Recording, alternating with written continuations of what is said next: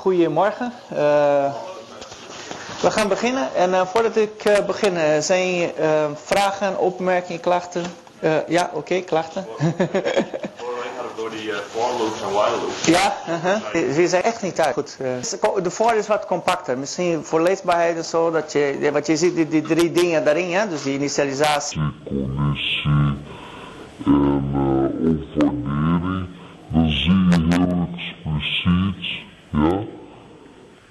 Dan de leesbaarheid is misschien iets beter, maar ja, voor, voor de rest, voor de logica van, van, van het programma maakt echt niet uit. Ja. Oké, okay, goed. Nog meer uh, vragen, klachten, opmerkingen? Nee? Oké. Okay. Uh, we gaan nou beginnen met uh, uh, college van vandaag. Ik ga iets vertellen over sorteren en zoeken. En daarna iets vertellen over polymorfisme en sorteren. nou, waar zijn we nu met, met college? We hebben een aantal dingen gedaan. we zijn begonnen met de basisprincipes ja, van, van, van objectgeoriënteerd programmeren klassen en uh, objecten en uh, associaties en al deze dingen. Uh, daar hebben wij nog een stapje gedaan, een compleet systeem hebben wij bekeken. En hoe bouw je een compleet systeem? Daarna hebben wij gekeken naar overerving, interfaces en alle deze dingen. en nou dan, vorige keer hebben wij over lijsten gehad. Dus begonnen we met zeg maar concrete algoritmes en concrete structuren ja, die wij kunnen hergebruiken in programmeren. En eigenlijk wat wij nou doen, we gaan een stukje verder daarmee.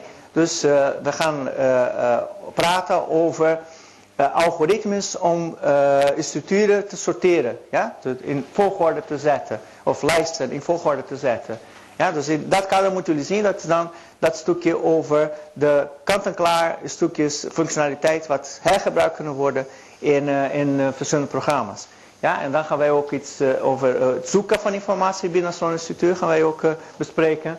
En dan aan het eind ga ik iets vertellen over polymorfisme. Dat, eigenlijk heeft een vraag vorige week geweest over generics. Is dat alleen voor lijsten? Nee, ik ga je ook laten zien hoe de generics gebruikt kan worden voor het definiëren van een algemeen, algemeen sorteer interface. Ja, dus dat, uh, dat is eigenlijk wat uh, in, de laatste, in de laatste punt wordt behandeld. Nou, inhoud van het college van vandaag is vooral hoofdstuk 14 van dit boek. Ja? Oké. Um, nou, we gaan beginnen met sorteren. nou, sorteren is niks anders dan wanneer je een lijst hebt, zorgen dat die lijst in de juiste volgorde staat. Die elementen in de lijst, ja, dus als jullie denken aan een vorige keer, Elke, de lijst heeft dan een aantal elementen. Die hebben, elke van die elementen heeft een index. Ja? Dus zit op positie 0, positie 1, 2, 3 enzovoort. Uh, als ze dan in, bepaald, in de juiste volgorde staan, ja, dan zijn ze gesorteerd. Dat is een beetje het idee. En dat kan voor, uh, ja, weet ik veel, cd's, files, studenten, noem maar op. Uh, wij kunnen een bepaald sorteren volgorde kiezen. Van nou, gesorteerd op een bepaald eigenschap. Bijvoorbeeld, wij kunnen cd's gaan sorteren op uh, componies. Wat een flauw. Nou, oké.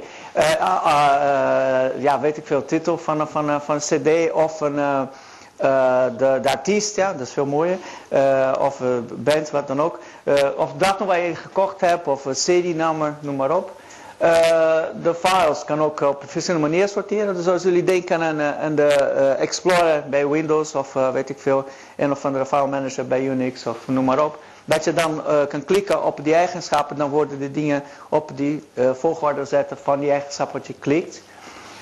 Studenten kunnen ook op een bepaalde manier gesorteerd worden.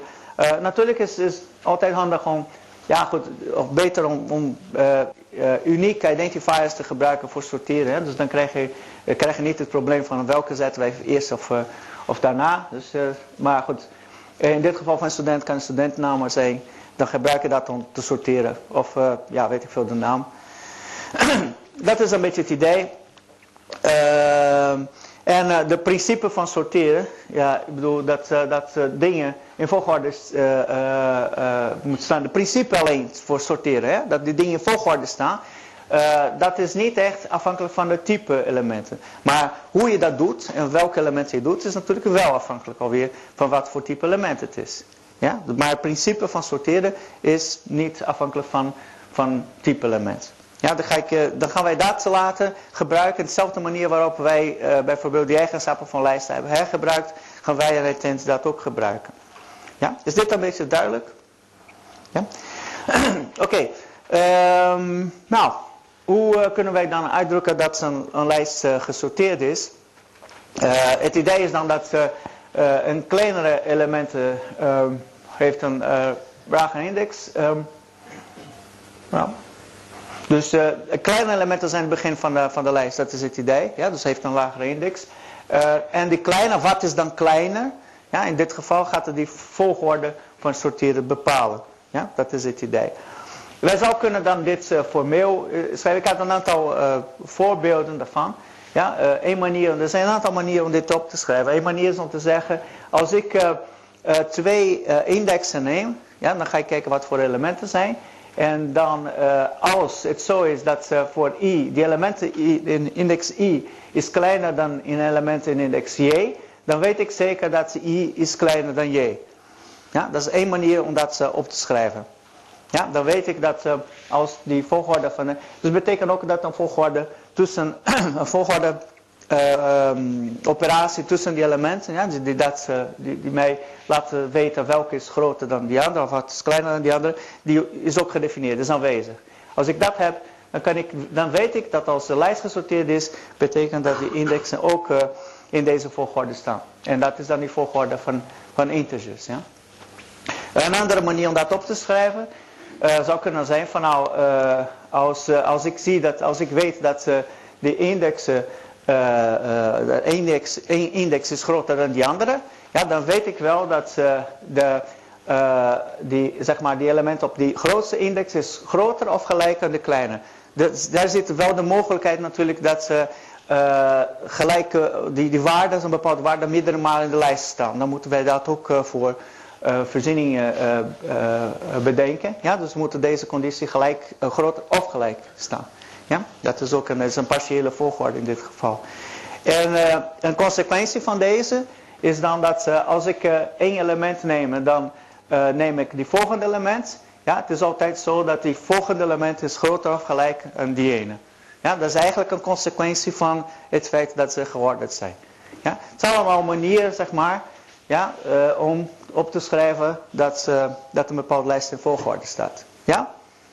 Oké, dat, gaan elke keer dat ik zeg van nou de lijst is in volgorde, eigenlijk geldt zo'n uitspraak. Ja, dus dat is een beetje een manier om dat een beetje korter te schrijven. Is dit een beetje duidelijk? Ja? Oké, dus uh, nogmaals, alleen om te benadrukken, deze zijn kleiner dan operaties, ja, of uh, kleiner of gelijk in het geval van deze twee. Die zijn gedefinieerd voor de type, ja, waar de lijst, uh, de, de, van die elementen van de lijst. Dat moet wel gedefinieerd zijn. Ja? Dus dat is, dat is heel belangrijk. Oké. nou, een gesorteerde lijst, dan proberen dat te illustreren. Nou, deze is een lijst en als wij aannemen dat dat gesorteerd is, uh, elke keer dat wij een EI en J nemen met I anders dan J, ja, als die EI is kleiner dan J, EJ, dan is I kleiner dan J. Dat is alleen maar een voorbeeld van de conditie wat ik net heb gegeven.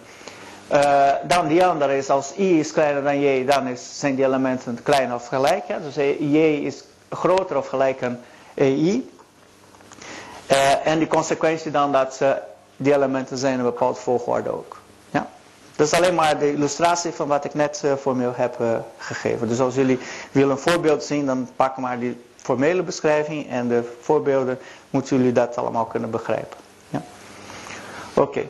Uh, stel maar dat wij het volgend uh, moeten gaan doen dan. We hebben die afgelopen tien jaar hebben een collectie van 300 cd's. Dat is eigenlijk weinig. Maar goed, bij elkaar gekocht. Maar het is al wel groot genoeg, die collectie, dat het, uh, het zoeken met de hand en weet ik veel, dat vervelend is. Ja, dat is dan het, die, die aanname.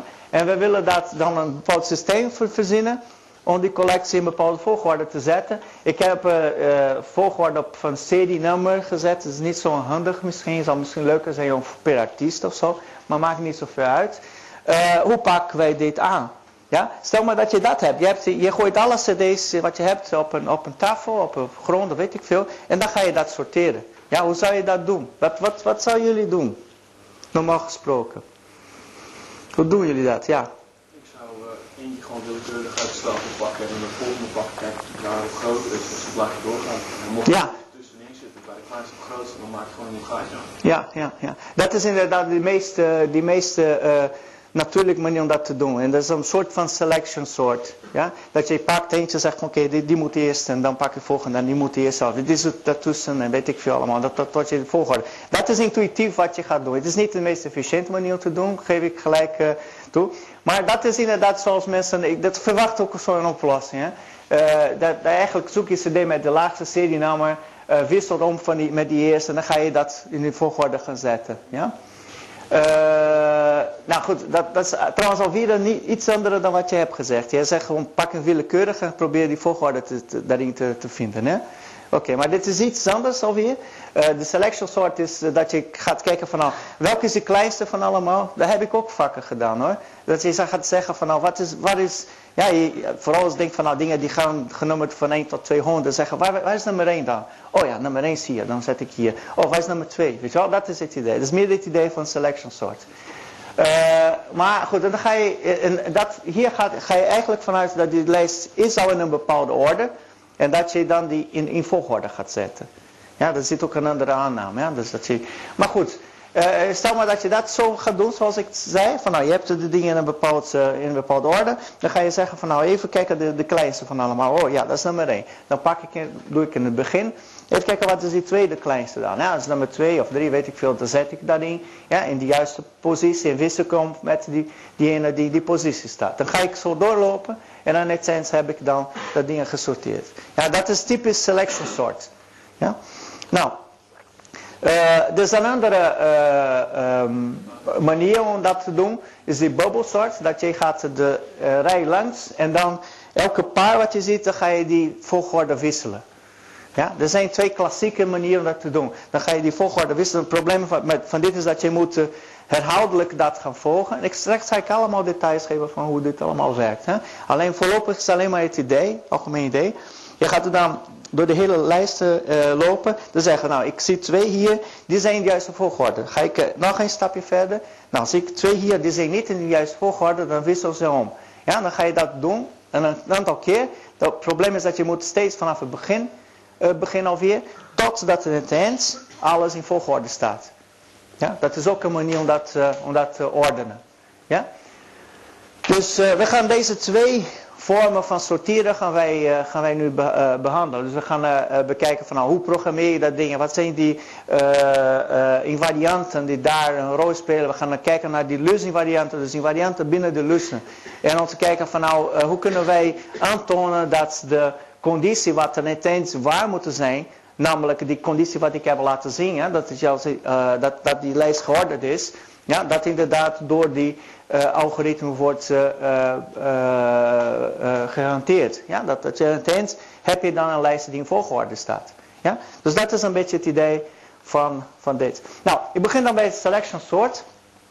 En een selection sort, daar heb je, geef een voorbeeld van hoe het werkt. Ik heb al een beetje intuïtief gezegd hoe het zou moeten werken. Nou, ik zoek daarin dan de kleinste van allemaal. Nou, dat is nummer 2. Uh, dan ga ik die wisselen met die eerste. Ja, zet ik in die, dus die twee zet ik op die positie en die eerste zet ik ergens daar, want het moet ergens staan. Ja, dat is een beetje een aanname. Er moet altijd, die elementen moet altijd ergens terug in een bepaalde positie. Tijdelijk misschien. Maar goed, dan ga ik de volgende kleinste element uh, zoeken. Nou, dat is dan drie. Dan ga ik uh, die wisselen. Ja? En dan ga ik dat doen totdat uh, die dingen in volgorde zijn. Ja? Dus dat is een beetje het idee. Ja? Dat is dan de, selection sort. Dus ik denk dat, dat dit, als ik, als ik een lijst aan jullie zou geven, zal misschien een manier zijn om dat, dat te doen. Wat jullie intuïtief zouden doen. Ja? Goed. nou, de selection sort dan. Uh, de idee is dan, we zoeken de kleinste elementen daarin. En dat uh, weten wij hoe wij kunnen doen. Ja? Het zoeken naar de kleinste elementen in de lijst. Dat hebben jullie wel gedaan. Meerdere malen. Oké. Uh, nou, wat wij doen is dan, wij, wij hebben een bepaalde, wij, wij, kijken, zeg maar, zetten die eerst als de, als de kleinste, bijvoorbeeld. Dan vanaf die tweede element tot aan het eind van de lijst gaan wij kijken of we een kleiner kunnen vinden. Ja? En als wij een kleiner vinden, dan wordt dat de kleinste. Is dat duidelijk? Ja, dat kennen jullie wel? Toch? Ja? Maar uh, heb ik wel wat uh, aan, deze, aan, aan, dit antwoord? Als ik straks die positie wil gaan wisselen. Wat denken jullie? Antwoord 2. Nee? Waarom niet? Ik hoor heel zachtjes nee. Ja, want als je het elke keer gaat lopen uitvoeren, dan pak je ook die eerste elementen die je op het eerste plek hebt gezet. Toch? Uh, dat was niet echt de, de... Nee, kijk, wat kan ik met de waarde 2 doen? Ja. Precies. Ja, dat is het. Ik bedoel, ik, ik, ik, ik, met die minimumwaarde heb ik niks aan. Ik bedoel, ja, dat, dat, het punt is dat ik moet eigenlijk bewaren, is, is die index van dat ding. Ik moet nummer 3 hebben. Ja, en niet nummer 2. Ik bedoel, dan weet ik met 3 dat ik een 2 kan komen. En dan kan ik 2 kopiëren naar een positie 0. Maar ik heb eigenlijk een nummer 3 nodig. Dat ik moet die index hebben. Ja, heel goed. Nou, dus... Uh, dat, dat eigenlijk de, de loop wat ik daar heb gedefinieerd, dan moet ik eigenlijk iets anders doen. Ik moet op deze manier doen. Ik moet een minimum index uh, is dan 0, is die eerste positie. Dan ga ik kijken of uh, de, uh, een, een kleiner element kan vinden, maar bewaar ik de index daarvan. Ja? En dan kan ik de index, gebruiken straks bij een wisselom methode. Die pakt die elementen van de index die ik heb net gevonden en wissel dat om met die eerste element. Of element waar ik ben. Ja? Als dit dan in het algemeen wordt gebruikt. Ja? Nou, dan, het woord is dan 3. En dan ga ik wisselom. En wisselom moet je eigenlijk op deze manier doen. Het is wel handig om uh, een hulpvariabel te definiëren. Dit is een voorbeeld waarin de lijst is een lijst van integers. Alleen om ja, goed, een beetje concreter te maken. Uh, en, een code te kunnen genereren. Dus ik bewaar die hulpwaarde hier bij de integers. En jullie weten waarom dit ook werkt inmiddels of niet. De inboxing en weet ik veel allemaal, dat weten jullie allemaal, ja? Dat weten jullie wel? Waarom werkt het met int hier, hoewel dit een integer object is? Oh ja. Ja, dat weten jullie allemaal, ja? Dat hoeft niet te herhalen. Oké, dan bewaar ik, uh, bewaar ik de waarde hier. Uh, dan kopieer ik deze elementen naar positie 0. En kopieer ik die hoop, wat ik daar had bewaard, kopieer ik naar die positie waar die kleinste was ja, op deze manier wissel komt. Dus dit kan ik dan gebruiken als de body straks van een wisselom methode die mij de dingen gaat wisselen. Ja, of van positie gaat wisselen. Oké. nou. Uh, dan een compleet algoritme is van, uh, als ik moet de hele lijst doorlopen van 0 tot, uh, tot het eind. En dan moet ik vanaf een J0 moet ik alle kleinste elementen nou, vanaf J, dan moet ik omwisselen ja, met de positie van J. Ja, dat is eigenlijk wat ik moet doen. Ja? En dat is ook een, een goed praktijk. Wat ik nou hier doe is, uh, natuurlijk is dit is niet zo ingewikkeld, maar het is wel een goed, goed, goed, goed praktijk om, da, uh, om de, zeg maar, de stappen van een bepaald algoritme te identificeren, isoleren en in aparte methodes te zetten. Ja? Zoals ik net zei, van nou, het zoeken van dat dingen, het bepalen wat de kleinste is en het omwisselen. Ja? Omwisselen zet ik in een methode, het zoeken, straks gaan we ook in een methode zetten. Dan heb je een bepaalde modulariteit. Ja? Dan heb je een beter begrip van wat je aan het doen bent. Ja, want elke van die methodes doet één specifieke stap in, in een bepaald algoritme. En hebben beter controle, beter onderhoud van wat, van wat je aan het programmeren bent. Ja? Dus daarom doen wij op deze manier. Nou, daar hebben wij uh, de hulpmethode uh, selection sort. Ja? Dus de, met hulpmethode dan. Selection sort is dan de hele ding. Je krijgt een lijst. Waarom is het static hier? Waarom heb ik static gedefinieerd in dit geval? Dat is alleen maar een voorbeeld hoor. Maar waarom is dat static?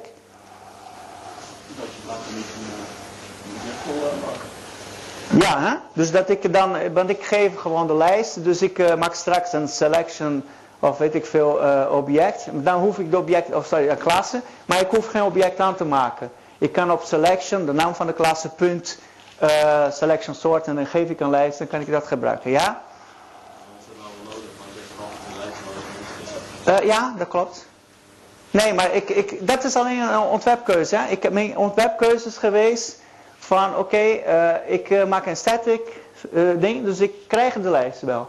Ik krijg als, als argument. Ja, het is gewoon een keuze geweest. Ja? Dus dat is niet, is niet een methode van een object van type selectie. Het is een algemeen methode voor, voor selectie. Nou, stel maar dat ik zo beschouw. Ik beschouw dit als een algemeen ding wat je kan gebruiken op elke lijst dan ook. Dan, dan kan ik op deze manier doen. En dan wat hij doet is, hij loopt dit, ja, en dan gaat hij de dingen omwisselen. Dus dat is dan selection sort, ja. Dus niet op... Uh, en, die, en die zijn dan de, de hulpmethoden, ja.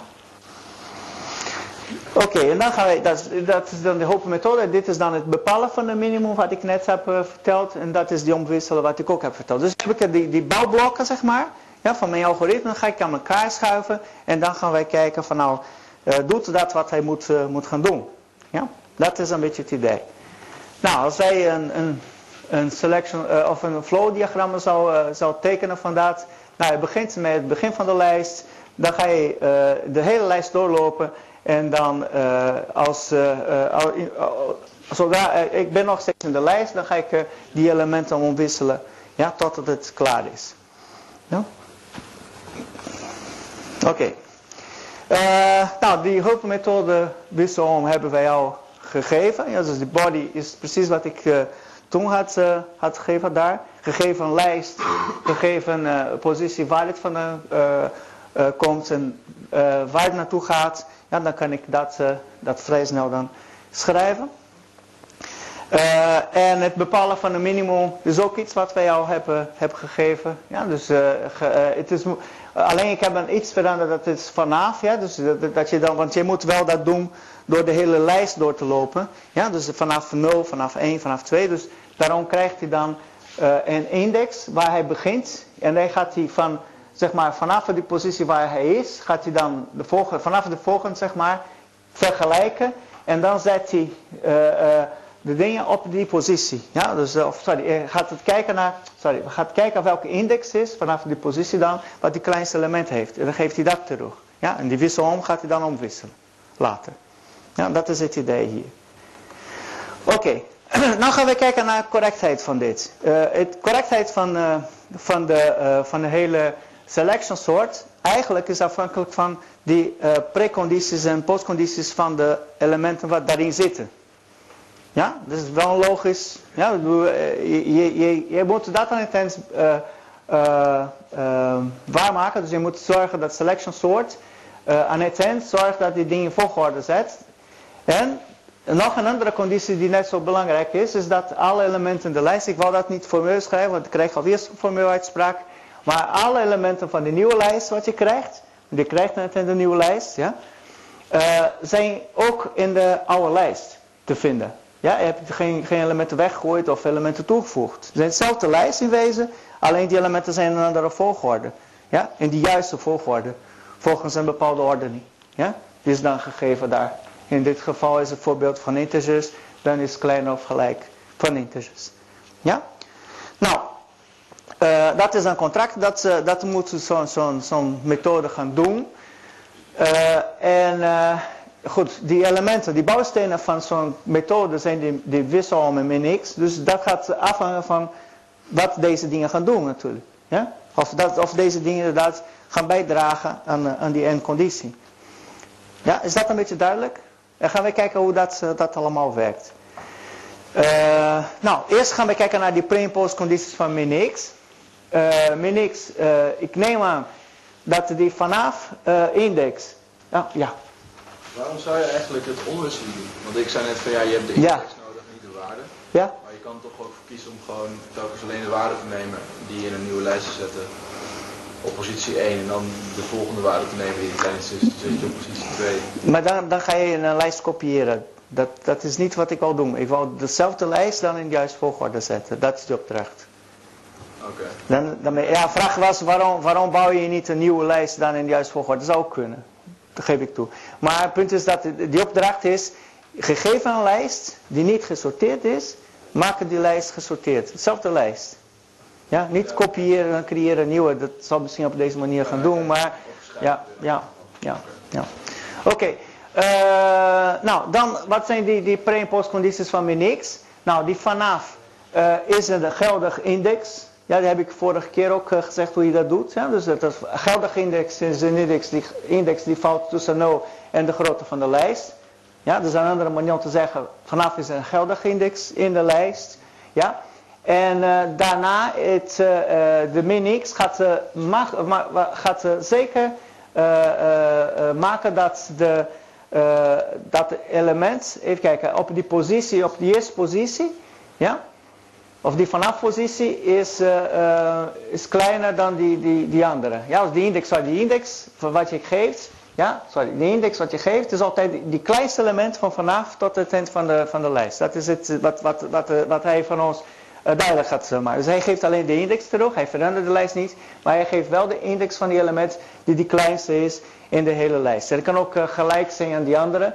Ja? Dus dat hier staat, als je gaat van vanaf naar het eind van de lijst, dan ga je doorlopen, dan ga je alle elementen uh, vergelijken. Die elementen wat je van de index hebt gekregen, is kleiner of gelijk aan welk element dan ook in de lijst. Ja? Is dat een beetje duidelijk? Dus hij geeft de index van het kleinste element. Dat is dan wat, wat, wat wij hier zeggen. Ja, hoe hij moet dan gaan doen. Nou, hoe kunnen wij dan de correctheid hard maken? En dat is dan nog steeds een beetje informeel. Uh, nou, je begint uh, met een selection sort.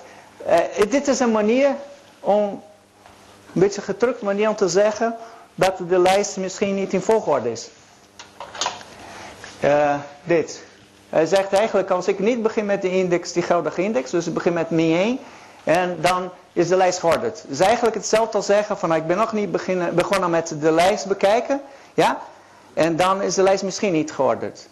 De, de reden waarom ik dit doe is dat het, uh, uh, ik kan dan consequent met deze initiële conditie de zeg maar, die algoritme doorlopen en dan gaat die index opgewaardeerd worden naar 1, naar, naar 0, naar 1, naar 2 en weet ik veel. En dan geldt deze uitspraak alweer wel. Het is alleen maar veralgemenisering van die uitspraak.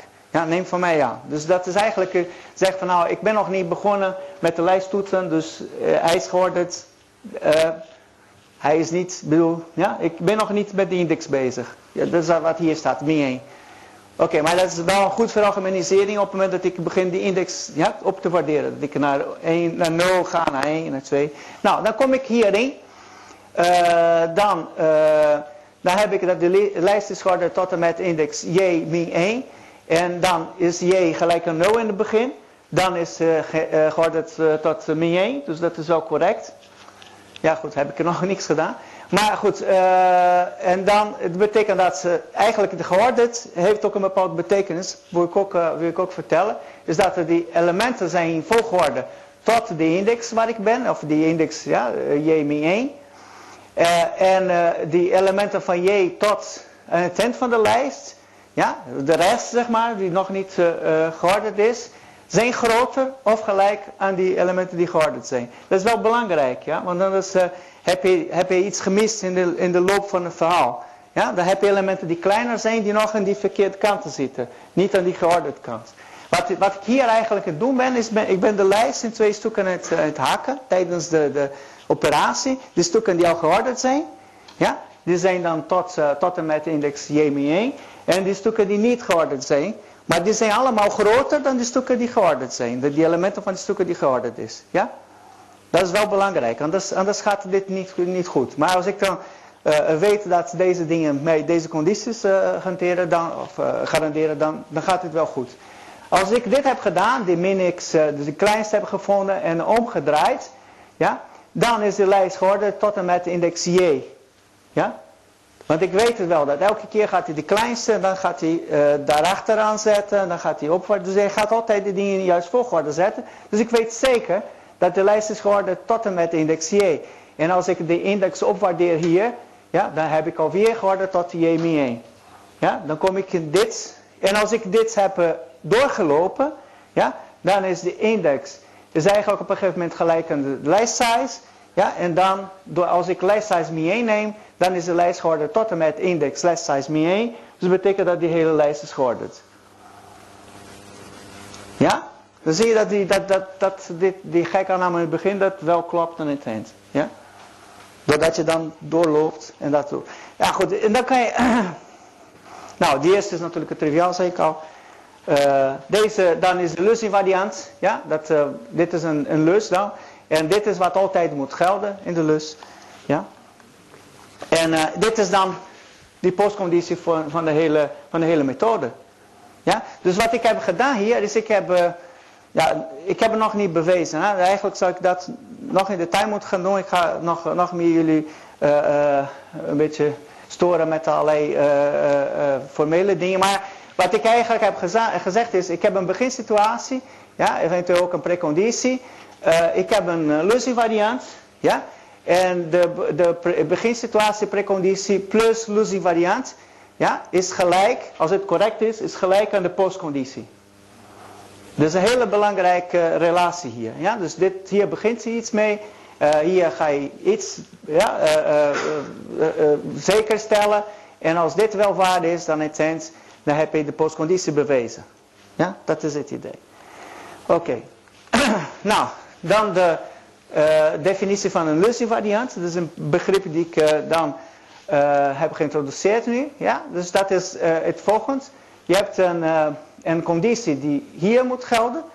Ja, in mijn geval dat die lijst is geworden tot JMI1. Ja, geworden in die zin wat ik net zei. Van nou, de elementen tot een JMI1 zijn allemaal in de juiste volgorde. En die elementen die daarna volgen, die zijn groter dan die elementen die georderd zijn. Dat is wat ik bedoel daarmee. Uh, dan, uh, dan heb ik een voorwaarde hier. De voorwaarde verandert condities niet, het is alleen maar een test. Ja? Oké, dus dan verandert de conditie niet. Betekent dat hier uh, deze invariant moet ook gelden. Ja? dan doe ik wat hiermee? Die variant moet nog steeds gelden wanneer de, de, nadat het blok van, van de lus is geëxecuteerd, is uitgevoerd. Ja, dus nog steeds geldig. En dan loop ik dit een aantal keer. Ja, en op het moment dat ik klaar ben, doordat dit ook de conditie niet verandert, dus dat, dat betekent dat de, deze conditie ook hier geldt. Ja? Dat is dan de definitie van de lusinvariant. Ja. Het, uh, er één bij optellen van de counter. Ja. Uh, daar had ik uh, een tijd geleden, daar zat ik ook met twijfels daarover. Ja? Wat ik eigenlijk doe is, ik, ik, beschouw die hele romp met die optellen, noem maar op, hier. Ja. ja? En dan, dan, maak je dat, dat, dat maakt het makkelijker hanteerbaar. Het is net alsof die romp dan een atomair iets is. Dan wordt het iets makkelijker. Want in, in de tussentijd, wanneer je de tussenstappen bent, zou kunnen dat die invariant dan niet geldt. Maar het belangrijke is dat het hier, sorry, ja, hier en hier, dat het wel geldt. Volgens mij essentieel, want volgens mij klopt die niet voordat je er nog even over... Ja. Ja, ja. Maar het, het is geen probleem als je weet dat uh, hij komt hierin met een ware conditie. Ja? dit blijft waar, want het is alleen maar een test. Hij doet een aantal acties. Die kunnen tijdelijk misschien die dingen onwaar maken. Maar als hij klaar is, dus wordt dat gezien als atomair iets. Hè? Klaar, dat ding is klaar. Dan is dat ding ook geldig alweer. Dan kan hij doorlopen. Ja? Dat, dat is ook zo. We hadden die discussie ook gehad op een gegeven moment. Zeg van, maar als je bezig bent, dan kan wel de situatie zijn waar het niet waar is. Maar als hij dit, beschouwt, dit als een atomair stuk, ja, stel operaties. Ja? Hebben jullie dat, dat een beetje gevolgd? Dat is vrij belangrijk. Dat die punten waar je dat meet, zijn eigenlijk het begin. Ja, voordat die romp eh, wordt gedaan en nadat de romp helemaal afgelopen is. Ja, dan ben je safe. Ja, dan sta je safe. Het zijn in feite ook dezelfde punten. Ja, nou nee, want dit, dit heeft wel iets gedaan. Heeft die, die, die, uh, en, op, en of andere verandering in de structuur van de lijst gemaakt, in het geval van de lijst. Dit is een algemeen plaatje, maar in geval van de lijst heeft de structuur van de lijst veranderd en de index opgewaardeerd. Ja, dus dat heeft een aantal dingen gedaan. Ja? Alleen hier gebeurt niks. Ik bedoel, alleen maar een test. Ja? Oké. Okay. Uh, nou, en dan wat ik, uh, wat, ik wel, uh, wat ik eigenlijk zei, van als, alleen voor de lus geldt dit, ja, niet voor de hele methode, want de methode kan meerdere lus hebben. Maar de lus, de lus postconditie, dus wat hier geldig is, is eigenlijk die variant van de lus. Ja? En met die, die, de, de, de index en weet ik veel allemaal op de juiste manier. En de inverse van de voorwaarde, want die voorwaarde is natuurlijk false op dit moment. Hè? Dus de inverse van de voorwaarde is ook, uh, is ook geldig. Ja, dat is ook een conditie die geldt op het moment dat die lust wordt, uh, dat je stapt uit de lust. Is dat wel duidelijk? Ja? Oké, of helemaal niet. Uh, nou, dan ga je kijken naar die uh, lust van selection soort. Uh, en dan, de lust was dat de lijst was gesorteerd tot en met J-1. Hebben wij dan een, een manier om dat op te schrijven. Dat is gewoon een manier om dat op te schrijven. dan neem ik twee indexen, K1 en K2. Ja, mis ik alleen K3 hier. En dan uh, was een poging om een grapje te maken. uh, en dan is uh, K1 tussen 0 en uh, J-1, dus in dat stukje van de lijst. En dan is K2, K2 kan ook boven die, dat stukje zitten. Hè? Dus dit is wel binnen de lijst. Maar dit K2 is misschien niet binnen de lijst. Of binnen dat stukje van de lijst die georderd is. Maar het is altijd zo dat elk element K1 is kleiner of gelijk aan K2. Ja? Dus voor die stukken wat voor die, die stuk staat, dan is een, in de juiste uh, uh, volgorde, ja, staan ze echt in volgorde. En voor de stukken wat na J-1 zijn, dan is dat alleen maar dat ze kleiner zijn. Of ze groter zijn bedoel ik. Uh, nou, dit kan de code zijn met die while structuur in plaats van de for. Dat kan op deze manier ook als alternatief. Dat ja. En... Dus dat lijst is ongesorteerd, dus dat is eigenlijk dat verhaal van J-1. Ja, en de lossing variant is waar. Dus eigenlijk uh, zet je die mi, J-1, dus J is mi 1. Oh, sorry, ja, de index is mi 1. Hier. nou, de lossing variant in, dit geval, de lijst is gesorteerd tot en met J-1, die had ik al gezegd. En dan doe ik de blok van dat ding. Ja. Dus eigenlijk lijst gesorteerd tot, tot J en dan J dan J min alweer. En dan de lusvariant is uh, gegarandeerd. Ja, die tussensituatie wordt hier aangegeven dan. Hè? Maar goed.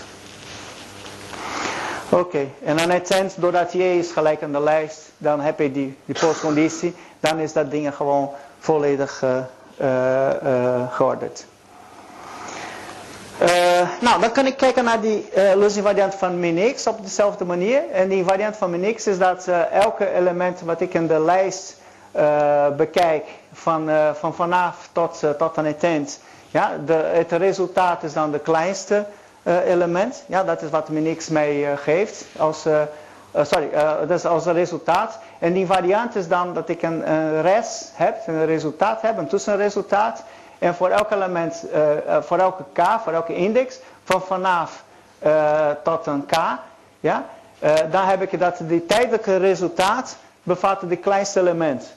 Ja? En hetzelfde verhaal, doordat het altijd de kleinste elementen bevat tot een, tot een, tot een k, ja, dus tot, een index waar ik ben. Ja? Op het moment dat ik heb die lijst helemaal doorgelopen tot aan het weet ik dat ik die kleinste elementen heb tot aan het eind. Ja? Dat is precies hetzelfde verhaal. Dus uh, in dit geval geldt die, de variant alweer, dat is het begin. Ja? Dus dat, uh, dat is de, vanaf is gewoon het kleinste element van vanaf tot vanaf. Ja? En dan ga je dat doorlopen en aan het eind heb je de kleinste element van allemaal. Ja? Dus alweer dezelfde redenering. Ja? Probeer een bepaalde uitspraak te maken over de lus. Ja? De variant is dan dat je daar in, die, in deze dingen hebt, de kleinste die is van, uh, van, uh, van vanaf tot de index. Ja? En aan het eind heb je dan de hele lijst doorgelopen, heb je de kleinste van allemaal. Heb je dat kunnen, kunnen aanwijzen. En die postconditie van deze is dan dat je die kleinste hebt. Dat heb ik ook, ook gezegd. Oké, okay, dan hebben wij een beetje het idee gegeven van hoe je formeel ja, uh, zou kunnen aantonen dat uh, gegeven die componenten van een bepaalde uh, methode, gegeven wat die methode zou moeten doen, wat is de postconditie, gegeven dan de lossingvarianten, dat je kunt aantonen dat dat ding correct is. Ja? Dat is een beetje het idee. Tegelijkertijd heb ik, heb ik jullie dan ook verteld hoe die selection soorten werkt. Ja? Zijn vragen hierover? Ja? Denken jullie dat jullie zelf een lossingvariant kunnen opschrijven nu? Of,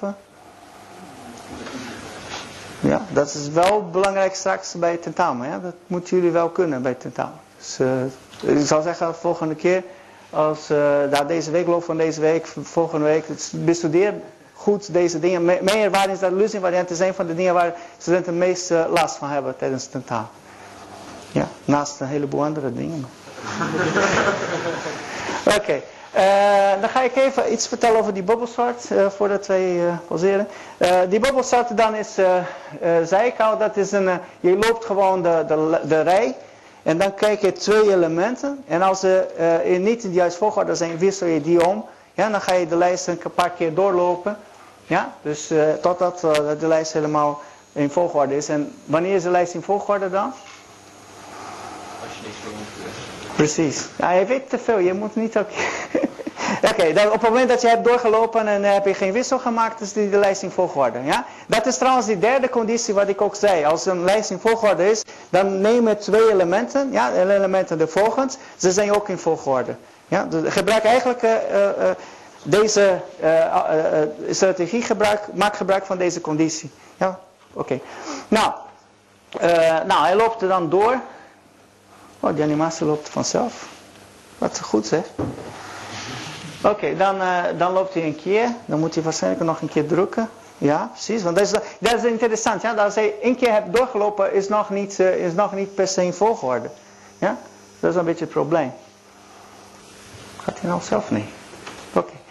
Dan ga je alweer dat doen. Ja? Dan, je, je hebt wel gezien, hè? Die, die andere, uh, in dat voorbeeld, dat je nog niet de hele rij in volgorde hebt. Nou, heb je nog een keer. Ja, dan ga je dat op, nog een keer doen. Ja. Ja, die twee moet nog uh, gewisseld worden van volgorde. Deze ook. Ja, en dan op een gegeven moment is het wel. Hè, als ik de, deze voor de vierde keer ga ik proberen dat te doen, dan merk ik dat in volgorde is. Heb ik geen wissel gedaan, dan is het klaar. Ja? Snappen jullie wel? Ja. Maar check je, zeg maar, in elke geval uh, elke getal met de, met de volgende? Of. Het is niet nodig van laten doen. Ja. Nee, nee, nee, nee, nee. nee. Uh, de, de algoritme zoals ik nou presenteer, ja, uh, dan ga je uh, elke keer pak je eentje en kijk je naar die volgend. Oké, okay, dus 1 en 2, 2 en 3. Ja, precies. Ja, ja, ja. Op deze manier. Ja, ik dacht dat je iets anders zou zeggen. Hè. Want je hoeft niet elke, elke keer de hele lijst door te lopen. En dat, dat ga, ik, ga ik eigenlijk, eigenlijk straks vertellen. Nou, uh, nou, heb je niets te doen, dan is dat klaar. Dus dat is eigenlijk die bubbelsoort, het principe van die bubbelsoort. dan dan kan ik uh, een bepaald stukje code schrijven van uh, het uh, lopen van een lijst en omwisselen. Ja, alweer dat idee van nou even proberen wat stukjes van de code alvast te schrijven, ja, dat wij kunnen hergebruiken. Nou, het lopen van een lijst met omwisselen is op deze manier geprogrammeerd. Is dat wel goed? Je moet een paar keer een, keer een daarin zetten, maar het is wel goed, of niet? Dus ik, ik kijk of die, uh, of die elementen die daarvoor was, is uh, groter dan die elementen daarna komt. Ja, dat is niet in de juiste volgorde die ik wil. En als het zo is, dan ga ik omwisselen. En wissel om ga ik hergebruiken van de vorige keer. Dat kan ik wel hergebruiken. Ja? Zo goed? Ja? Oké. en dan uh, kan ik ook uh, een check doen van uh, of de lijst gesorteerd was. Want ik moet die check wel hebben. En dat is wel handig om dat alvast te doen. Ja, inbouwen en doorlopen. Ja, want als ik zo doe, dan heb ik een intent van, van doorlopen. Heb ik een, ja, goed, een, een, resultaat van, nou, heb ik al ergens een gewisseld ding. Nou, als ik een keer heb gewisseld, dan was de lijst niet gesorteerd. Dan, dan geef ik dat aan. En als ik niet heb gewisseld, was de lijst gesorteerd en dan kan ik stoppen. Ja, dat is een beetje het idee hier. Oké. Nou, punt is, hoe kan ik dit programma stuk gaan gebruiken? Ja? Dus dit is een gebruikbaar stuk uh, programma, zeg maar. En uh, hoe ga ik dat in mijn code gebruiken? Ja, dat, daar gaat het om. Eigenlijk moet ik aan het eind die bubbelsoort, de hele, de hele algoritme moet ik uh, gaan definiëren. En eigenlijk voor die complete methode kan ik iets slimmer gaan werken dan steeds alles doorlopen. En het idee is dat je kunt de hoogste waarde bubbelen naar het eind van de lijst. Ja, waardoor je niet steeds uh, de hele lijst hoeft te, te, controleren. Want de, de, de, de hoogste die gaat op een gegeven moment bubbelen naar het eind. Ja, dat zou je kunnen op deze manier doen. Dus eigenlijk wat je doet is, je, je gaat van, van het eind naar het begin. En als, zeg maar, je gaat van, vanaf, ja goed, de, de loop gaat van het eind naar het begin. Maar de bubbelen gaat van het begin tot het moment ja, waar je bent. Ja? En, en als het niet heeft gebubbeld, ja? dan moet je stoppen. Ja, dat is heel lelijk return hier, ja, geef ik toe, maar dat is een beetje ja, hoe het is. Je kunt ook, zou kunnen ja, op een andere manier doen, maar ja goed. Het idee dan is dat je, dat je gaat, je weet dat een intent van een bubbelding de grootste is een intent, want je gaat steeds de, de, de, de grote schuiven naar het eind. Ja, dan hoef je niet steeds de hele dingen te lopen. Ja. Uh -huh. If die in de lus staat, niet gewoon in de voorwaarden voorzetten. De if, wat in de... Als voor, j is groter dan 0 en uh, zou kunnen. Als, uh, ja. Ja, goed, het zou kunnen, het zou kunnen. Ik heb, ik heb, ik heb het geprobeerd, de, zeg maar, de conditie uh, uit het, te scheiden daarvan, het uh, executeren van dat ding. Ja, het zou misschien wel kunnen. Moet even over nadenken of dat een probleem is. Maar goed, volgens mij kan het ook wel. Maar ik, ik wil eigenlijk een scheiding maken tussen de, de structuur van de, van de loop en wat daarin gebeurt. Daarom heb ik expliciet zo gedaan. Ja?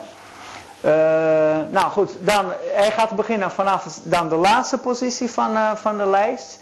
Ja? Hij gaat uh, doen, dat doen zodra hij je groter dan 0, dus hij binnen de lijst is. En hij gaat naar beneden. Ja? Hij gaat deze keer aan de zon. Ja? En dan gaat hij de lijst bubbelen. dan gaat hij deze methode gebruiken, bubbel lijst J. En daar in de bubbellijst J staat dat stukje code wat ik eerder had voorbereid. Ja? En natuurlijk aangepast, want het is niet, uh, uh, is niet meer tot het eind van de lijst, ja? maar tot de positie tot. Ja? Dus hij, wat hij doet is, hij maakt gebruik van het feit dat, de, uh, dat die, die grootste waarde wordt altijd gebubbeld naar het eind. Dus hij hoeft niet steeds tot het eind van het lijst te doen. Je kunt stoppen bij de, de plekken waar je bent geweest de laatste keer met de bubbel. En dat is dan gecontroleerd door die lopen wat ze die, die dingen uh, aanroept en die waarde van tot. Ja? Dus dat is dan hoe, de, hoe dit uh, werkt. En dit is precies hetzelfde stukje code, alleen hij loopt niet tot het eind van de, van de, van de lijst. Ja? Nou, als ik dan op dezelfde manier die correctheid van die bubbelsoort zou willen aantonen of controleren. De contract van de bubbelsoort is natuurlijk hetzelfde als selection soort, toch? Zijn jullie daarmee eens? Hij doet hetzelfde, hij zet die lijst in volgorde. Ja? Uh, dus de contract van Bobbel is uh, wel belangrijk. En die contract van Bobbel zegt dat ze uh, de. even kijken. hij, hij, hij, hij wil een. De, hij vraagt een index die binnen de, de stukje van, die binnen de lijst is. Dus een geldige index. Ja? En aan het eind geeft hij dan aan dat ze. even kijken. Alle, dat die tot eigenlijk die grootste element heeft. Ja, dat is dan wat hij, uh, hij uh, garandeert aan ons. Ja? Tot heeft het grootste element. Ja, want hij bubbelt het grootste element tot het eind. Uh, en nog iets wat hij, hij, garandeert is als het resultaat waar is, ja, dan de lijst was gesorteerd al. Ja, dan kan ik stoppen. Ja, dat zijn die twee dingen die hij mij garandeert. Ja, dus de, hij heeft de, de grootste waarde gebubbeld naar het eind en de lijst is gegarandeerd. Dus als ik dat dan combineer met de, de rest van de condities, dan weet je wel dat, dat elke keer komt die grootste aan het eind. Dan ga je die, die ene grootste, die ene grootste, die ene grootste, totdat je die hele dingen gesorteerd hebt. Ja, dan zie je dat deze conditie in combinatie met die, die lus, ja, dat levert dan een correct, uh, een correcte implementatie. Nou, die, die lusinvariant van die bubbelsoort, die hele ding is dan uh, dat uh, de lijst is gesorteerd van J tot aan het eind. Eigenlijk andersom dan die andere. Ja? Want hij gaat van het eind naar het begin. Ja, hij is dan gesorteerd van J tot het eind van de lijst. Ja? Net het begin is misschien niet gesorteerd. Nou, gaat hierin. En J wordt steeds opgewaardeerd. Uh, sorry, gaat steeds naar beneden. En dan op een gegeven moment is de lijst gesorteerd van 0 tot het eind. En dan is de lijst helemaal gesorteerd. Ja? Dus je kunt zien ook dat ze uh, met gebruik van deze structuren dat je het resultaat bereikt dat je zou willen bereiken. Ja? Oké. Goed, ja, in dit geval heb je die bubbel hierin gedaan. Zie? Dat kan ook. Oké. Um, ja. Uh, de lusinvariant van bubbel dan, alleen om compleet te zijn, uh, is dat, uh, ja, hetzelfde verhaal. De, de, de was gesorteerd, die bewaart het feit, dat gaat tot een bepaalde index, tot de index i. Ja? Hij bewaart de situatie, eh, hij, bewaart of eh, de lijst gesorteerd was eh, van tot tot, i. Ja? En, en hij zorgt dat die grootste element altijd aan het eind is. Ja? Dat, dat, doordat, zodat op het moment dat hij helemaal doorschuift, die grootste element is in tot. Ja? Dus die gro- grootste element is op die positie waar hij bezig is. Ja? Tot dat intent is die grootste element in tot. Ja, hetzelfde principe alweer. Ja, veralgemenisering van dit levert dan, of eh, op het moment dat dit wel is doorgelopen, levert dan die eh, postconditie van de methode. Dan ben je klaar. Ja? Oké, zijn er vragen hierover? Nee? Oké, nou. Ehm, nou, ik ga hier even pauzeren. Ja, vijf tot tien minuten. En dan gaan wij over die performance van die algoritmes. We gaan door.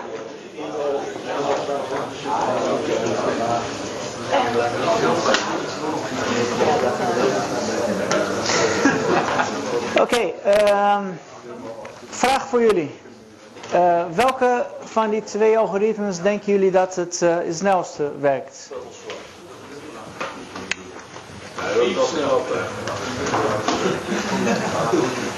Zullen wij dan uitzoeken? Ja? Oké.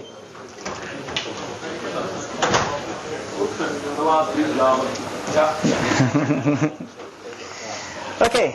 Eh, nou, performance van die algoritmes. Eigenlijk wat wij, wij willen weten dan op een gegeven moment is... eh, Oké, er zijn twee manieren om hetzelfde te doen. Ja? En uh, die enige verschil daarin, ja goed, er zijn allerlei verschillen in de zin van... Ja, misschien gebeurt, gebruik meer geheugen, weet ik veel. Maar ook gebruik meer tijd of minder tijd. Ja? Hoe, hoe zit het nou? Ja? Hoe kan ik die dingen gaan, gaan vergelijken? Ja?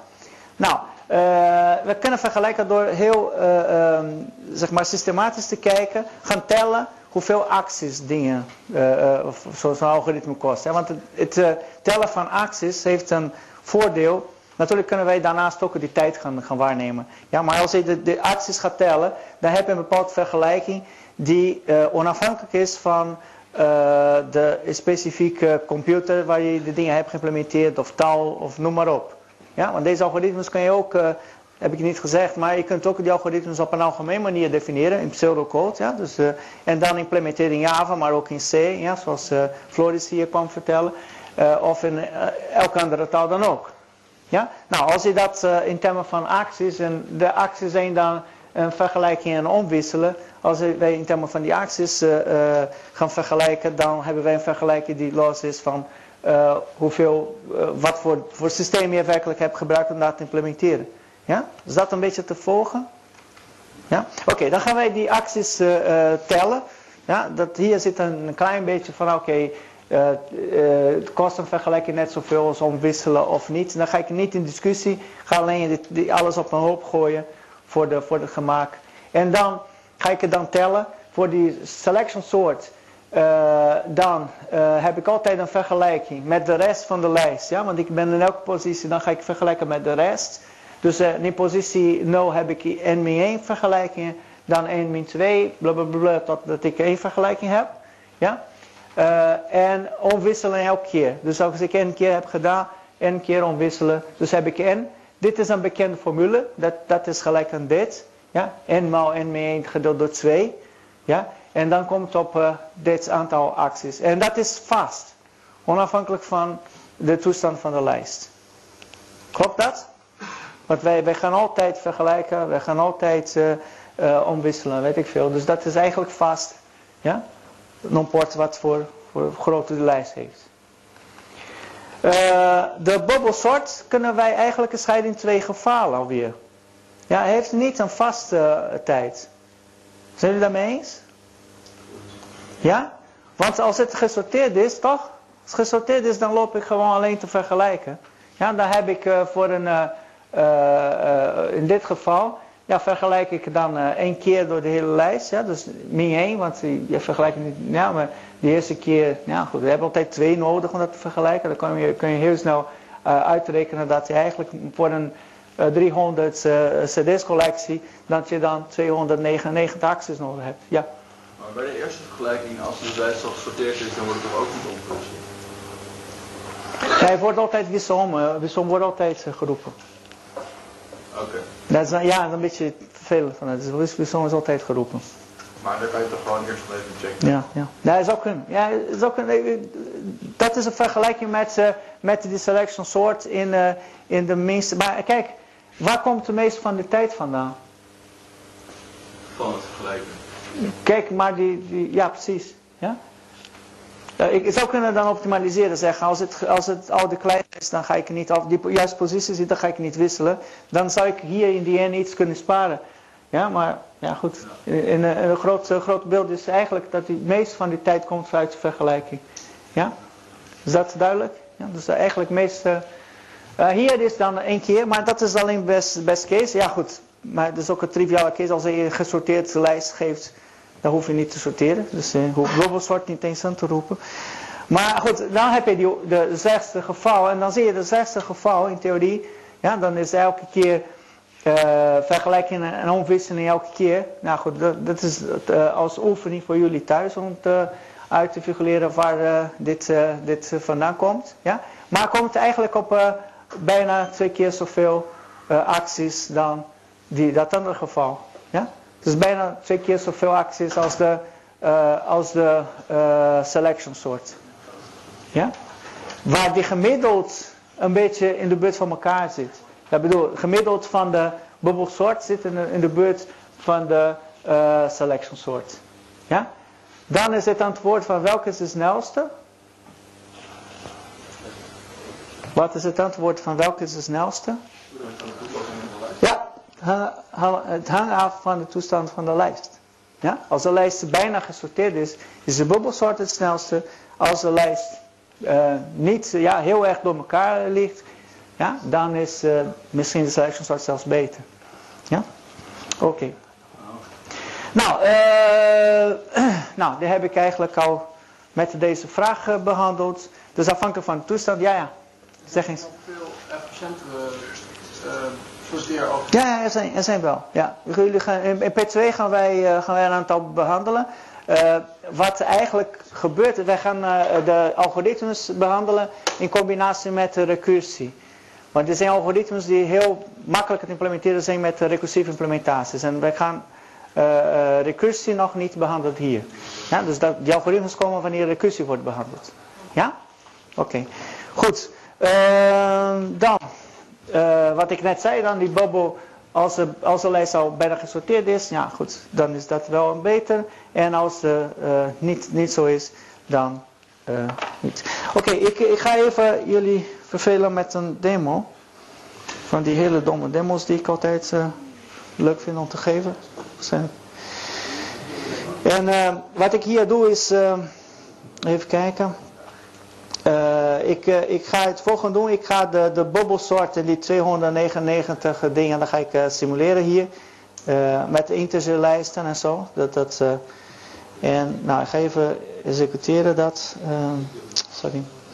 Het testalgoritme.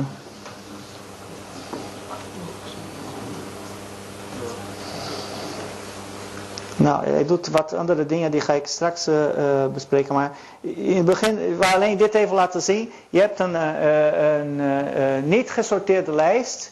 Ja? Eh, ik had eh, op een gegeven moment eh, met eh, de selection sort had ik 28 acties nodig.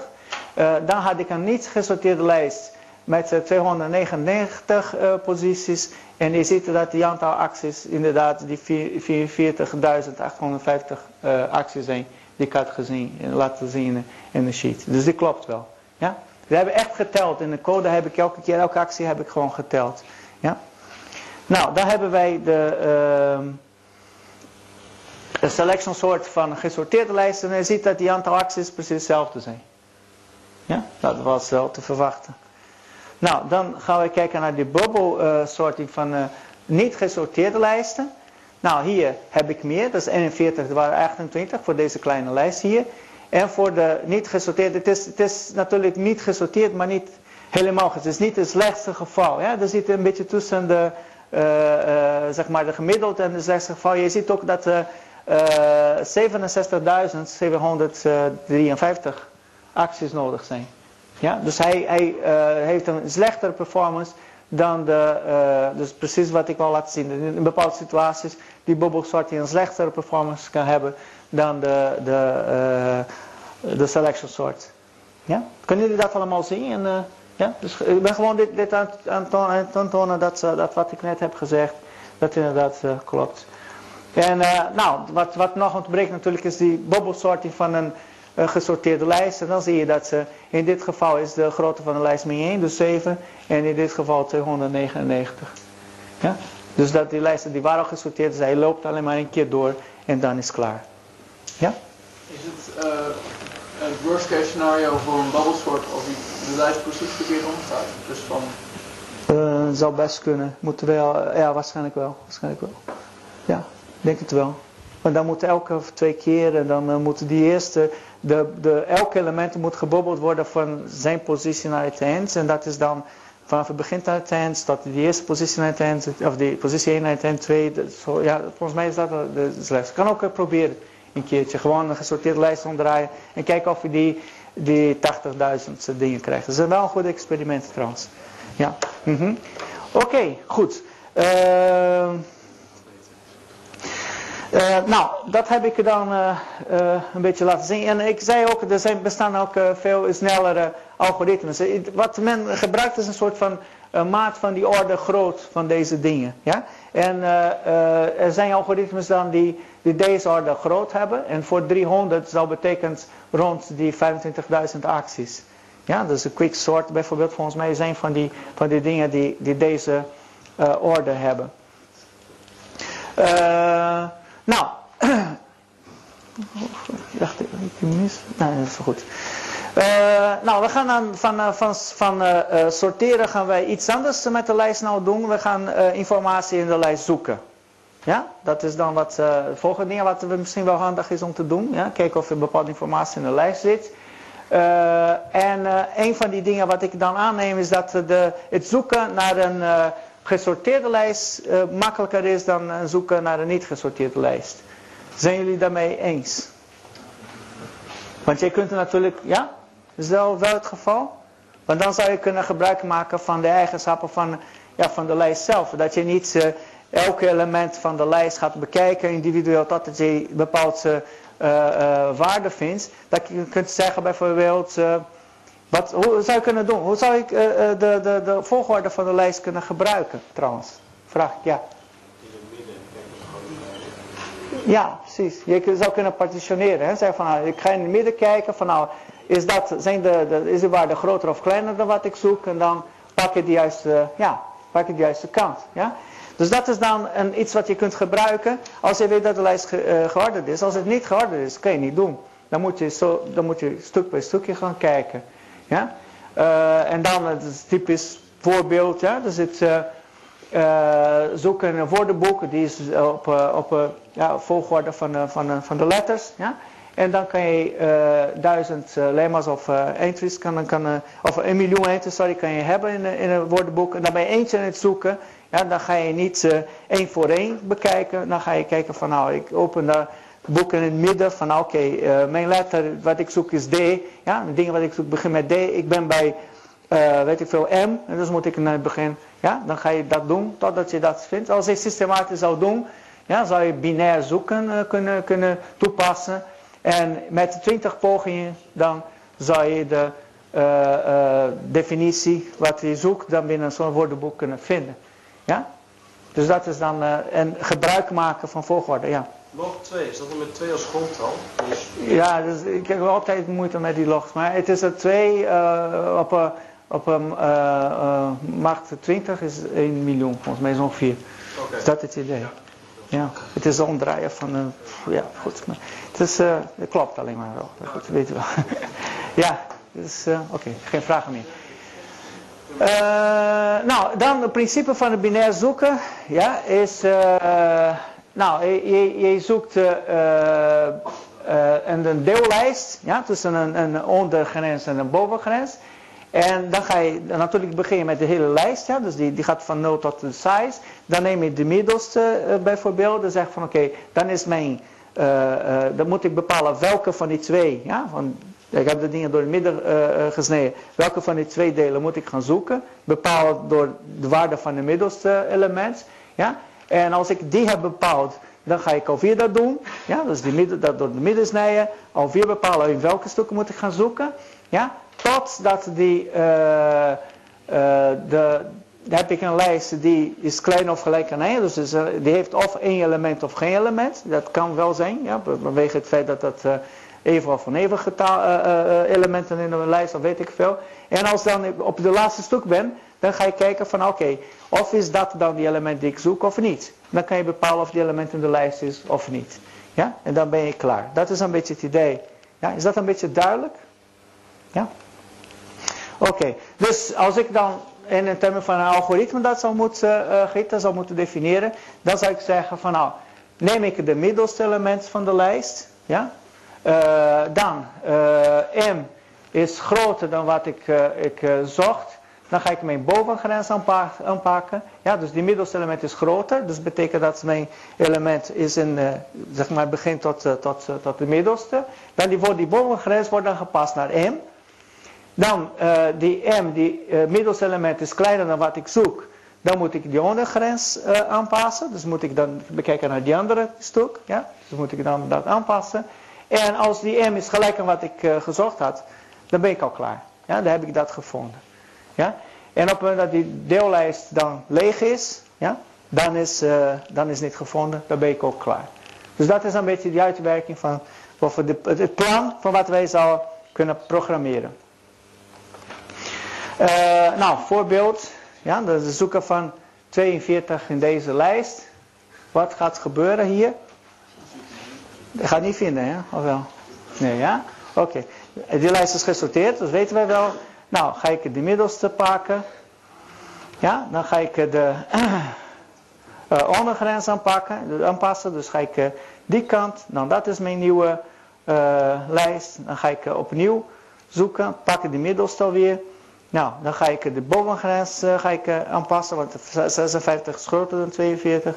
Nou, dan ga ik opnieuw de middelste 33, ga ik eh, de ondergrens ook uh, aanpassen. Dan heb ik alleen één element in de lijst, dat is 40. En dat is niet wat ik zocht. Dus uh, dat, dat getal is niet in de lijst. Ja, dus dat is dan hoe het... ik kan ook nog een keer de, dingen aanpassen. Ik kan ook vergelijken als het alleen maar één is. Dat is allemaal mogelijk. Ja, oké. Natuurlijk is wel interessant om een voorbeeld te nemen waar dat ding wel is. En dan staat hier de bovengrens, uh, de ondergrens is 0 als index. Hè? En 14 is de, de bovengrens, de middelste is dan 7. dan ga ik die bovengrens aanpassen. Doordat het niet gelijk is, dan ga ik aanpassen naar de volgende alweer. Hè? Dan dat staat 0 en 6. De middelste is 3. dan ga ik die ondergrens dus aanpassen naar 3. Dat staat naar 4. En dan heb ik uh, 4 en 6, inmiddels is uh, 5.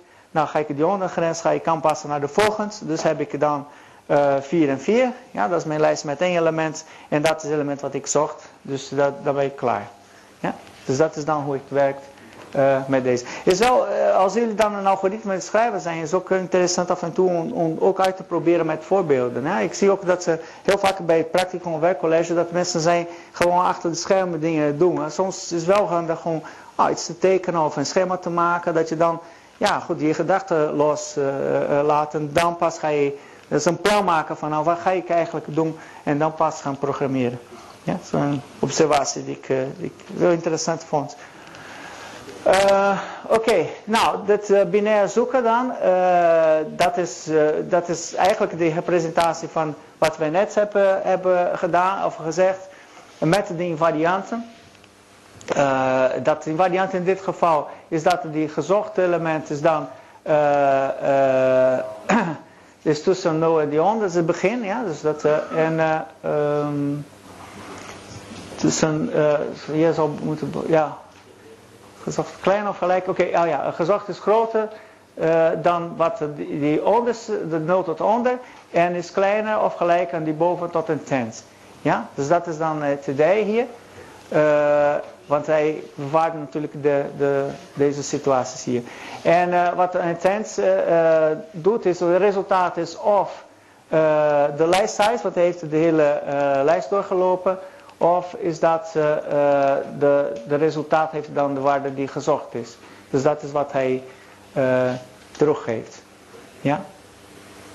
Nou, dit is, is allemaal de, de, de methode wat, wat hij doet. Hij, hij gaat eh, eh, van, eh, eh, als die onder is kleiner dan boven, ja, dan gaat hij die midden. Dat is eigenlijk bepalend om te zorgen dat die, eh, de, dat, dat stuk wat hij zoekt, ja, dat het niet ongeldig wordt. Dat je doorkruist. Ja, want dat is een beetje het gevaar wat je moet oppassen. Dat je, je maakt de dingen steeds kleiner. Dat op een gegeven moment de index van die onder ja, wordt groter dan de boven. Dat ze doorkruisen. Ja? Doordat je steeds de dingen kleiner maakt, dan moet je zorgen dat je dat, eh, dat niet gebeurt. Dus eh, hij moet stoppen op het moment dat ja, de limiet is wanneer die onder is gelijk aan boven. Dat je dan op één punt zit. Ja, dat is wat hij hier doet. Nou, hij berekende de middelste stuk met een inter- integer eh. Ja? Dus dat is gedeeld door 2. Eh, dan gaat hij kijken of de, de eh, element in het midden is kleiner dan gezocht. Dan gaat hij die onderkant aanpassen. En dan gaat, eh, als dat niet zo is, dan gaat hij die, die eh, bovenkant aanpassen. En aan het eind dan geeft hij, eh, als dit heeft doorgelopen, dan heeft hij die positie door. Ja? Dus dat is dan wat, wat hier wordt gedaan. Ja? Oké. Ehm, en dat is gewoon de implementatie van die algoritme, die binair zoekalgoritme wat ik net heb, heb gegeven. Nou, het punt is dat eh, het kan best zijn dat die, die element niet in de lijst zit eigenlijk. Hè? Dat, dat is wel een, mogelijkheid. Dus wat, eh, wat moet je nog doen? Ja? Trouwens, eh, ik denk dat dat... dat deze conditie moet ik wel controleren later. Ik ben niet helemaal zeker hiervan. Want volgens mij stopt hij op het moment dat, dat hij niet vindt, dan geeft hij die onder terug. Volgens mij. Maar goed, dit moet ik straks even controleren. Dat is volgens mij niet helemaal zoals het zou moeten. Eh, nou. Nou, wanneer, eh, eigenlijk moet je nog kijken van nou, is die eh, resultaten van dit, eh, van die onder, is dat de lijst size? Oh ja, ik snap het wel. Ehm, de, ja, ik heb het verkeerd gezegd, sorry. Het is of dat hij eh, lijst, size- geeft, dus op, van het geval dat die elementen die gezocht is, is groter dan de grootste elementen wat in de lijst zit. Dat is dit geval. En in, in die algemeen geval geeft hij dan een resultaat die is groter of gelijk aan wat je zocht. Ja, hij heeft die index van de, van de, van element die groter is gelijk op wat hij zocht. Dus hij stopt op een moment in de lijst, dan moet je nog steeds gaan bekijken. Ja, daarom is dat, eh, dat zo. Hij moet nog steeds gaan bekijken of die element, of die index die hij geeft, eh, is element wat je gezocht had. Ja? De resultaat wat hij geeft is niet per se de positie van die element in de lijst. Je moet nog een test doen. En dat is de reden waarom die vraag hier staat. Ik heb mezelf in verwarring gebracht.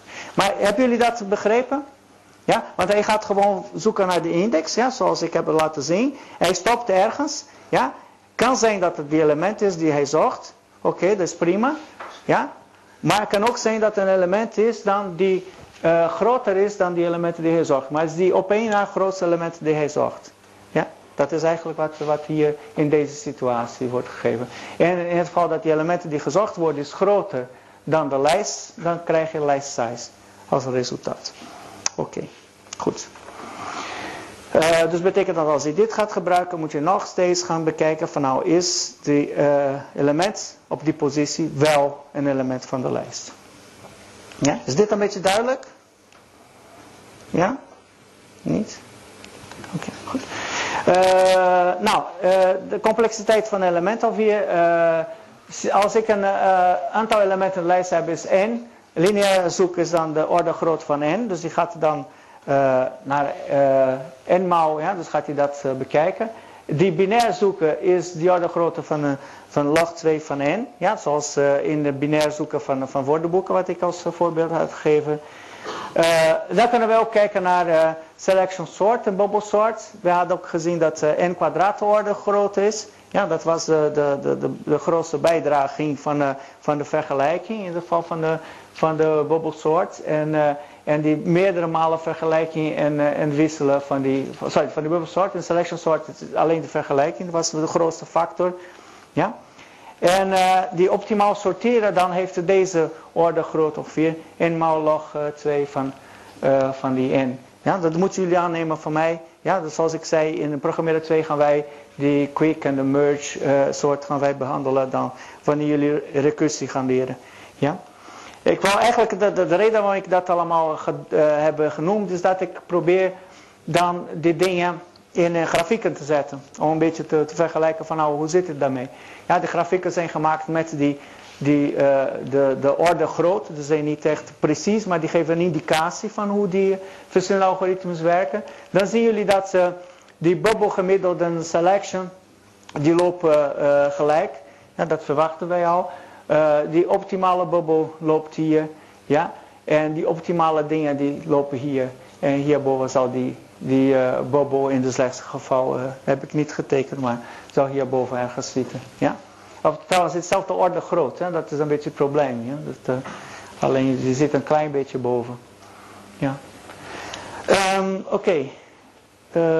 Dan zal wij ook bekijken naar de complexiteit van zoekalgoritmes. Maar het probleem is het volgende. Uh, we hebben twee algoritmes in, in, in wezen. Uh, de, ja, de, de, de, gewoon door, dom zoeken, maar dan vanuitgaande dat, die, dat de lijst niet gesorteerd is. Ja? Maar als wij willen vergelijken met binair zoeken, dat is niet echt helemaal fair. Ja? Dan zouden we eigenlijk moeten vergelijken met een, het toepassen van een binair zoeken. Ja, nadat wij een sorteeralgoritme hebben gebruikt. Dan kan je wel een vergelijking, een verre vergelijking maken. Ja, want die andere, ja, dus die lineair zoeken, dat is eigenlijk bedoeld op een lijst die gewoon gesorteerd is. Ja? Snappen jullie dat wel?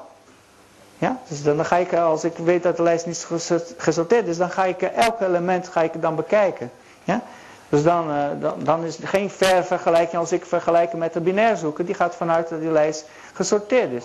Dan krijg ik deze vergelijking hier. Kijk, dat de binair zoeken is natuurlijk heel efficiënt. Ja, binair zoeken alleen. Maar als ik moet uh, vergelijken met de lineair zoeken, en dat is deze hier, dan moet ik eigenlijk een combinatie maken van binair met een uh, sorteeralgoritme. Dan wordt het een heel ander verhaal. Ja? Dan zie je dat hier staat de binair plus bubble selection. Ja, en binair voor bubble of selection gemiddeld, ja, of bubble gemiddeld.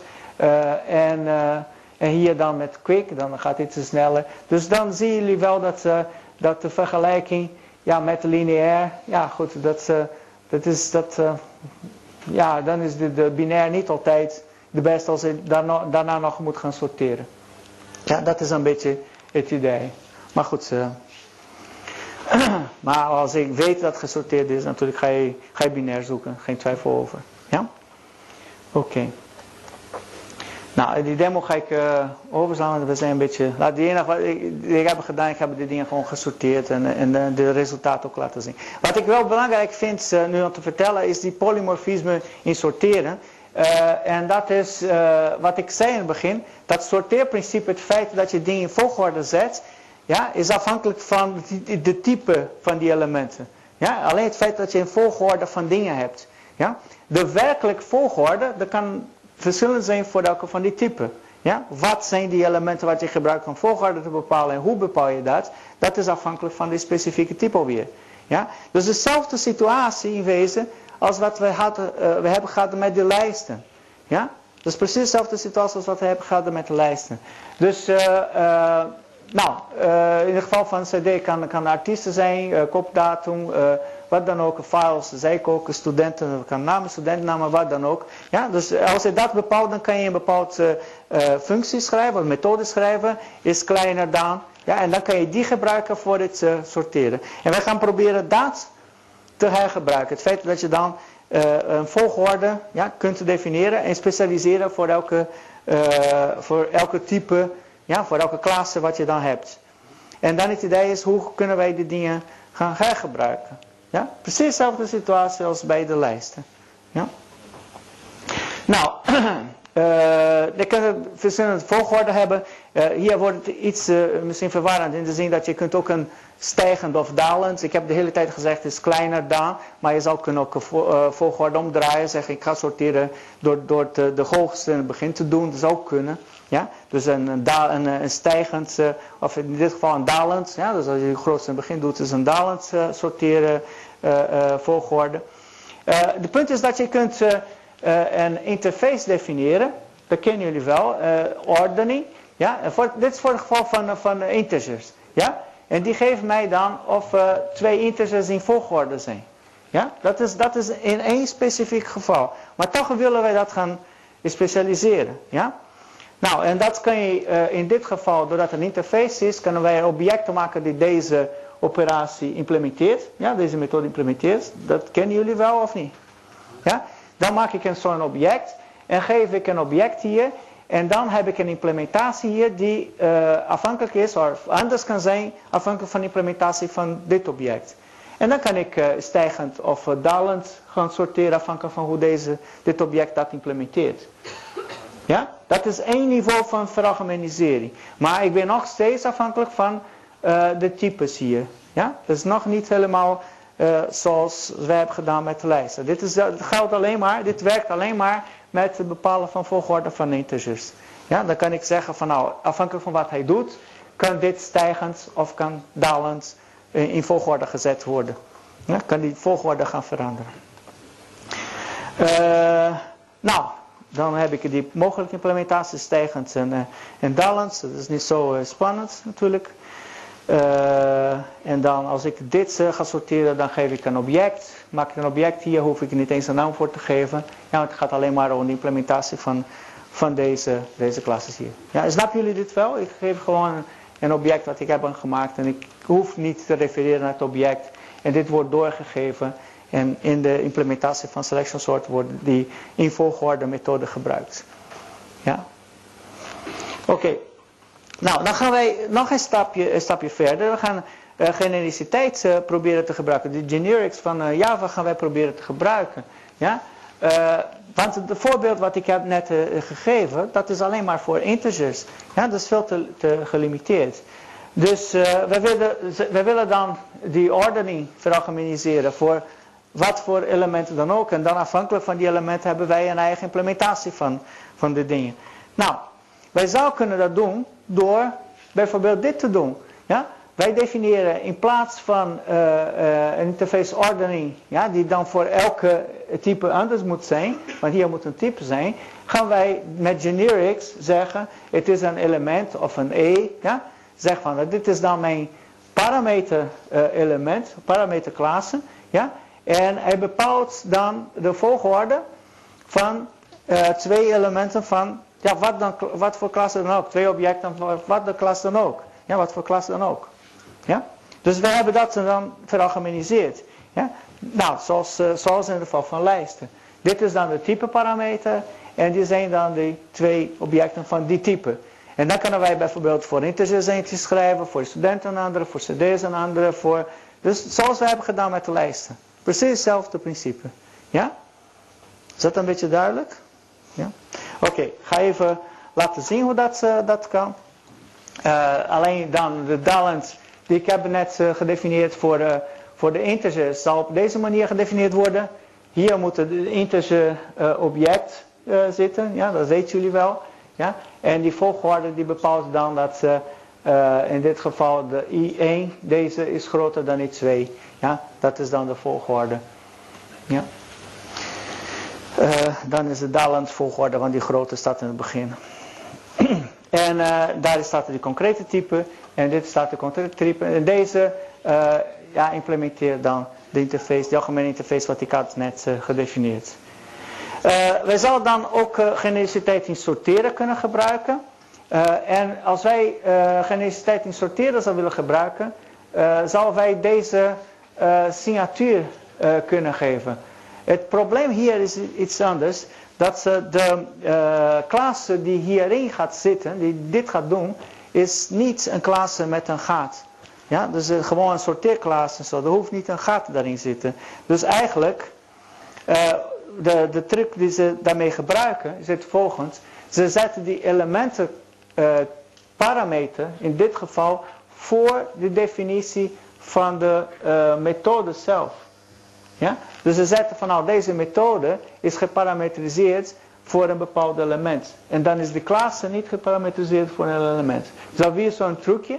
Ja? Maar dan zorgen dat ze deze dan gedefinieerd kan worden in zijn algemeenheid. Ja? Krijg een lijst van elementen. En die heeft dan de gets en sizes en al deze dingen. Dat is algemeen, die kennen we wel. Die kan je hergebruiken. En die ordering, dus in volgorde.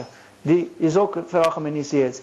En op het moment dat wij, dat wij dit gaan gebruiken, gaan wij natuurlijk wel specifieke elementen hierin zetten. Ja, dus integer en studenten, cd's, noem maar op. En wij geven ook een implementatie. We vertellen hoe de dingen in volgorde gezet moeten worden. En dan kan dat gebruikt worden in een bepaalde uh, implementatie van soort. Ja? Dus dat is dan het gebruik van generics. Die enige verschil dan is dat die type eh, parameter, ja, dus deze aanduiding van welke type dat is, moet in de signatuur van de methode zitten. Ja? Doordat het niet in de signatuur van de, van de klasse zit. En op het moment dat je dat gaat aanroepen, dat hoef je niet, uh, niets meer te doen. doordat, ja goed, zoals jullie weten, deze, de compiler, die gaat kijken van nou, wat is de type van dit? Nou, dit is een integerlijst, dit is een deze. En dan gaat hij matchen met deze. Dan weet hij dat die element hier is een integer. Ja, dan, dan werkt het allemaal. Ja? Dus dan weet hij ook dat deze een ordering van integer moet zijn. Ja, en dan werkt het wel. Hij pakt de juiste implementatie op deze manier. Ja? Oké, okay. is dat een beetje te volgen dit? Ja, het is gewoon het hergebruiken van uh, de uh, generics, ja, de, de, de generieke definitie van, van types in implementatie uh, van een bepaalde methode. Ja? Dus dat was ook de vraag toen ik dat heb verteld vorige keer. Van, kan dat gebruikt worden in andere situaties? Ja, dat is een typisch voorbeeld. Dat kan je hergebruiken voor het definiëren van ordening. Ja? Oké. Nou, ik ben dan beland bij conclusies. Nou, er zijn verschillende algoritmes beschikbaar voor het uh, uh, sorteren en, uh, en voor het zoeken lijsten. Die verschillen tussen die algoritmes zijn vooral in de performance. Ja, bepaalde algoritmes in bepaalde situaties zijn sneller dan andere algoritmes. en wat wel de boodschap van vandaag, en ik hoop dat dat, dat een beetje gebleven is, dat je, je hebt de precondities en invarianten. en en, en uh, sorry, zal postcondities natuurlijk zijn, uh, die kan je gebruiken om bepaalde correctheid van die dingen te bewijzen. Zeggen, gegeven dat die preconditie is, eh, is, is waar, ja, dus die, gerespecteerd door de clients, gegeven dat die variant geldt in de loop, wanneer je uit de loop komt, uit de loop komt dan kan je aanwijzen, kan je aantonen dat die postconditie waar is. Ja, dan kan je op deze manier, op een systematische manier, kun je dan de correctheid van zo'n algoritme aantonen of bewijzen. Ja, dat is, ik hoop dat dat wel belangrijke uh, boodschap is gebleven. Hè? Dat jullie dat hebben begrepen. En als dat jullie niet hebben begrepen, dan bestudeer weer de sheets, bestudeer weer uh, het hoofdstuk wel. De, het boek is niet zo systematisch in dit, maar kijk maar en vraag ook maar ja, uh, volgende keer hoe het zit als jullie dat niet hebben begrepen. Want dat is heel belangrijk, ook voor het tentamen en ook voor, het, voor jullie algemeen vorming. Ja? Uh, en uh, nou, algoritme leven tussen de prestaties, dat was ook een, een belangrijke opmerking. En de generics dan kunnen gebruikt worden om volgorde, ordering te veralgemeniseren. Was ook een belangrijke ja, boodschap van vandaag. Ja? Nou, succes met practicum en tot de volgende keer.